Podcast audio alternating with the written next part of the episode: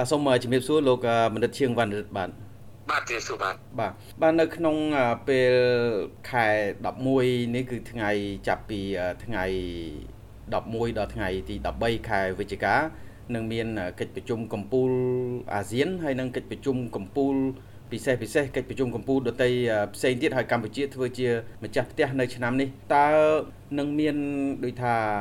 ការរំពឹងទុកយ៉ាងណាពីសហរដ្ឋអាមេរិកក្តីឬពីអាស៊ានក្តីឬពីប្រទេសចិននិងប្រទេសមហាអំណាចផ្សេងផ្សេងទៀតក្តីបាទអឺកិច្ចប្រជុំកម្ពុជាអាស៊ាននិងកិច្ចប្រជុំកម្ពុជាពាក់ព័ន្ធវាកើតឡើងក្នុងកលៈទេសៈមួយដែលពិភពលោកយើងកំពុងតែប្រឈមនៅវិបត្តិ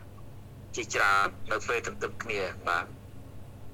នៅក្នុងបរិបទយើងនេះគឺយើងកំពុងតែជំរុញនៅការកសាង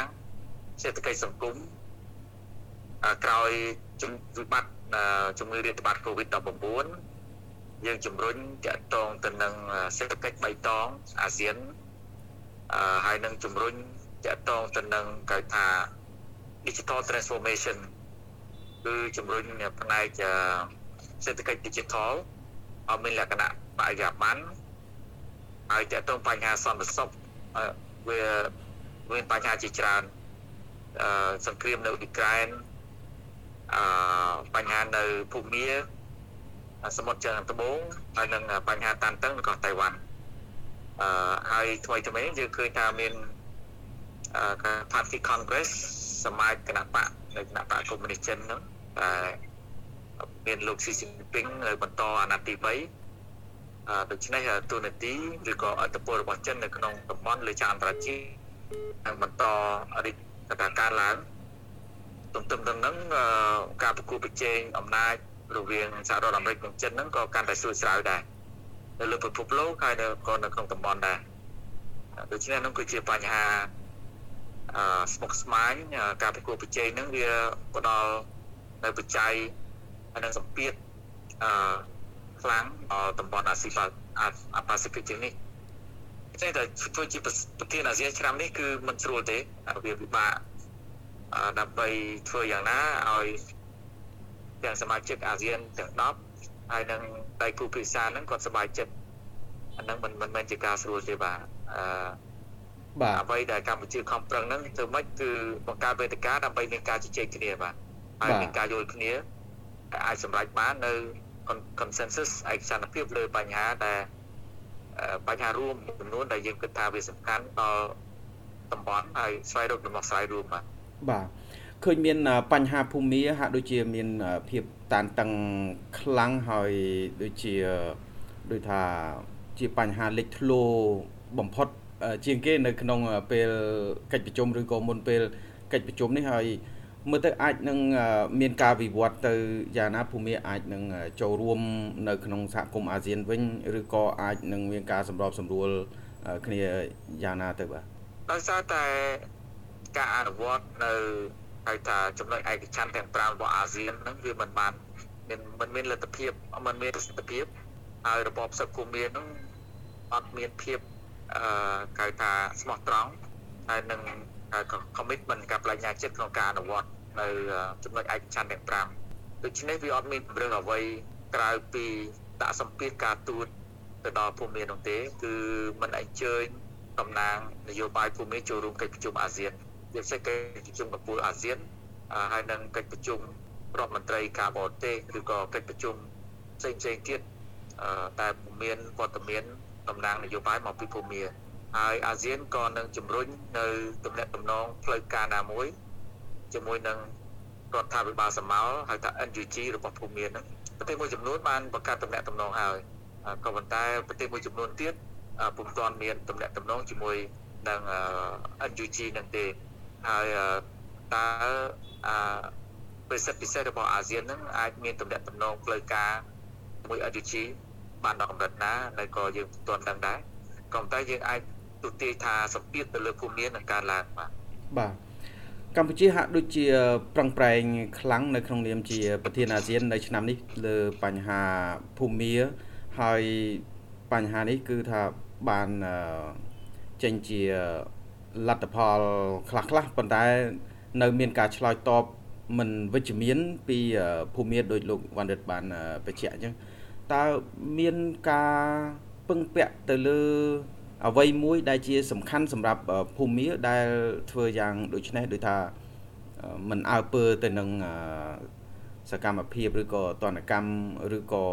អាស៊ានតទៅមុខទៀតយ៉ាងដូចនេះបាទអឺ របបសឹកភូមិគឺគាត់ធ្វើយ៉ាងណាដើម្បីគាត់រក្សាអំណាចខ្លួនគាត់បានអញ្ចឹងអឺនោះគឺជាទិសដៅរបស់គាត់គឺរក្សាអំណាចតែម្ដងចឹងទោះបីតែមានសម្ពាធពីខាងក្រៅយ៉ាងណាក៏ដោយក៏ហើយជាពុំអាចបដូរនៅទិសឬក៏យុទ្ធសាស្ត្ររបស់របបសឹកភូមិនឹងបានទេប៉ុន្តែយើងនៅរងចាំមើលការបោះឆ្នោតនៅឆ្នាំក្រោយនេះតើប្រព្រឹត្តទៅយ៉ាងម៉េចបាទបាទលោកជើងវណ្ណិតនៅពេលនេះយើងឃើញថា យុទ្ធសាស្ត្រ Indo-Pacific របស់លោក Joe Biden តើអាចមានសារៈសំខាន់យ៉ាងណាឬក៏ជាឱកាសសម្រាប់អាស៊ានអាចនឹងចាប់យកឱកាសនេះបានប៉ុណ្ណាទៅហើយអាចនឹងមានការងាករេចេញពីអធិពលចិនសម្រាប់អាស៊ានទេឬក៏យ៉ាងណាសម្រាប់ប្រទេសខ្លះនៅក្នុងអាស៊ានទេបាទយុទ្ធសាស្ត្រ Indo-Pacific វាជាយុទ្ធសាស្ត្រមួយអាចថារយៈពេលយូរអ ពីព្រោះការការប្រគល់ប្រជាអំណាចវានឹងរយៈពេលយូរអញ្ចឹងយុទ្ធសាស្ត្រនេះនឹងបន្តអនុវត្តហើយនឹងមានធម៌ពលអាចកាន់តែខ្លាំងទៅពេលអនាគតដើម្បីទប់អត្តពលរបស់ចិននឹងតែម្ដងអញ្ចឹងចំពោះអាស៊ាន គឺយើងស្វាគមន៍រាល់កំណត់ព្រួយផ្ដាមទាំងឡាយណាដែល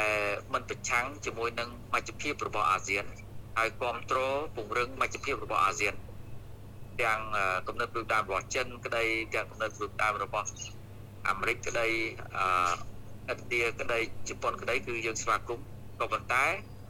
កំណត់ព្រួយផ្ដាមហ្នឹងត្រូវជំរុញនៅការកសាងសហគមន៍អាស៊ានបាទខ្ញុំចង់ឲ្យលោកវណ្ណុតបាន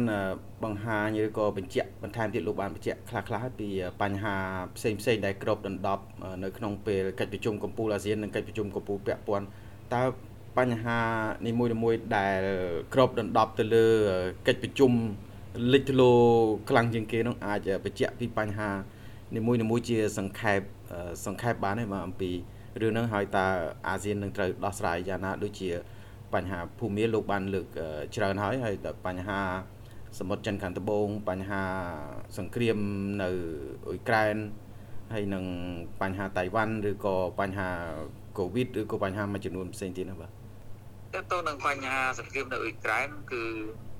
អាស៊ាននឹងតែបន្តនៅការគោរពអន្តច្បាប់អន្តរជាតិជាពិសេសធម្មនុញ្ញអង្គការសហប្រជាជាតិនោះគឺព្រោះថាប្រទេសមហាអំណាចមួយចំនួនគាត់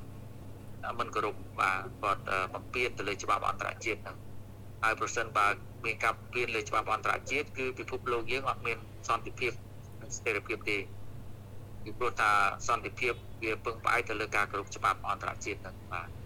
ដូច្នេះយើងនៅតែបន្តជំរុញនៅការគោរពច្បាប់អន្តរជាតិការកសាងពង្រឹងនៅបណ្ដាប់ធ្នាប់ពិភពលោកមួយដែលពឹងទៅលើប្រព័ន្ធច្បាប់បាទវិធានច្បាប់ទាក់ទងបញ្ហាសមុទ្រចរពូក៏បាក់ផែគ្នាដែរគឺជំរុញនៅការគោរពច្បាប់អន្តរជាតិនឹងដែរហើយដោះស្រាយបញ្ហាហ្នឹងតាមសន្តិវិធីអត់ឲ្យប្រើកុំឲ្យប្រើខ្លាំងបាទហើយបញ្ហាតៃវ៉ាន់ក៏អត់ជំរុញឲ្យមានសន្តិវិធីនឹងដែរអឺ ជាពិសេសគឺគោរពនៅកិច្ចព្រមព្រៀងសហរដ្ឋអាមេរិករវាងសហរដ្ឋអាមេរិកនិងចិនដែលមានកន្លងមកហ្នឹងទៅលើបញ្ហាតៃវ៉ាន់អញ្ចឹងប្រសិនបើភាគីទាំងអស់ហ្នឹងគោរពច្បាប់ទម្លាប់ស្ដាប់ពិភពលោកពឹងផ្អែកលើប្រព័ន្ធច្បាប់ហ្នឹងគឺវាអាចនឹងទប់វិបត្តិនឹងបានហើយអាចស្វែងរកនៅដំណោះស្រាយសមស្របណាមួយសំខាន់លើការគោរពច្បាប់នឹងតែម្ដងបាទបាទ នៅក្នុងពេលនេះក៏អាចនឹងមានបញ្ហាសិទ្ធិមនុស្សឬក៏បញ្ហាវិបត្តិនៅភូមិអាចនឹងមានការលើកឡើងជាដូចថាការជំរុញពីប្រទេស មួយចំនួនឬក៏ពីស្ថាប័នអង្គការអន្តរជាតិផ្នែកសិទ្ធិមនុស្សមួយចំនួនតើបញ្ហានេះនឹងវាជាការផ្ដោតយកចិត្តទុកដាក់ប៉ុណ្ណាទៅនៅក្នុងពេលអាស៊ាននៅកម្ពុជានៅឆ្នាំនេះដែលធ្វើជាម្ចាស់ផ្ទះបាទ ដោយសារតែមានការប្រគល់ប្រជែងអំណាចស្វិតស្វាញយើងឃើញថាបញ្ហាសិទ្ធិមនុស្សនិងលទ្ធិប្រជាធិបតេយ្យនឹងហាក់ដូចជា